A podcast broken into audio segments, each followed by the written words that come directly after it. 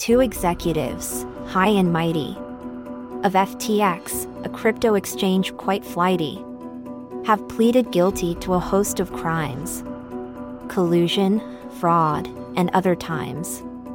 Their greed and lust for power led them to a dark and dreary tower, where they now must face the music for their unethical and criminalistic.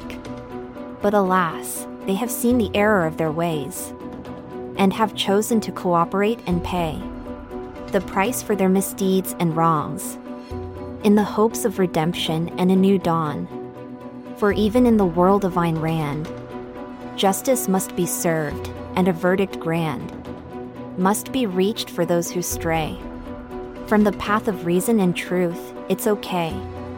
So let this be a lesson to all who seek to rise and stand tall.